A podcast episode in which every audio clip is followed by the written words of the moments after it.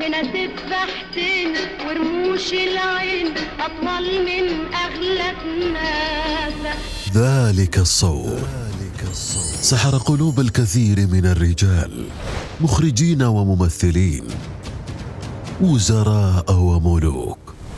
عرب وغربيين. كلهم كانوا ضحية جمالها وحضورها المميز.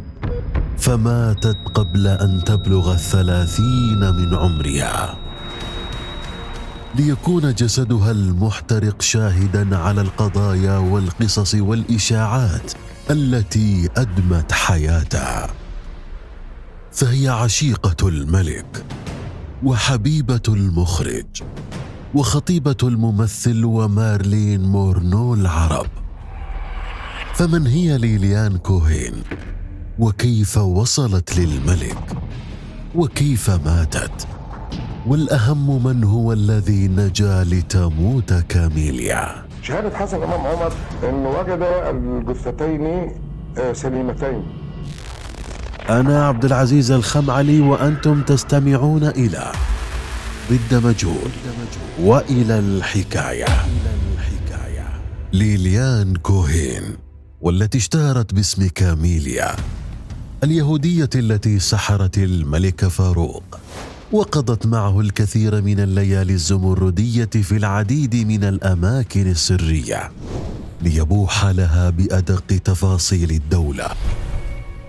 فقامتها الطويلة وعينيها الواسعتين وشعرها الأشقر وشفتيها الممتلئتين. كانوا السبب في وصولها لأرفع المستويات ضمن الدولة المصرية. لتطل فيما بعد على الشاشة المصرية لمدة أربع سنوات فقط. لتصبح محبوبة الجماهير وساحرة الفنانين. بجسدها المثالي ورقصاتها التي يصعب نسيانها حتى هذا اليوم. حبيبتك مراتك أوام نسيت ليالينا الحلوة أيام غرامنا.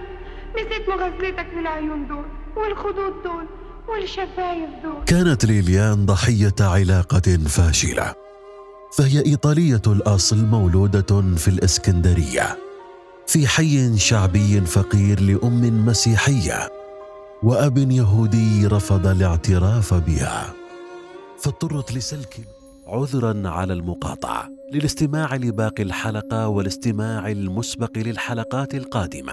اشتركوا معنا الآن.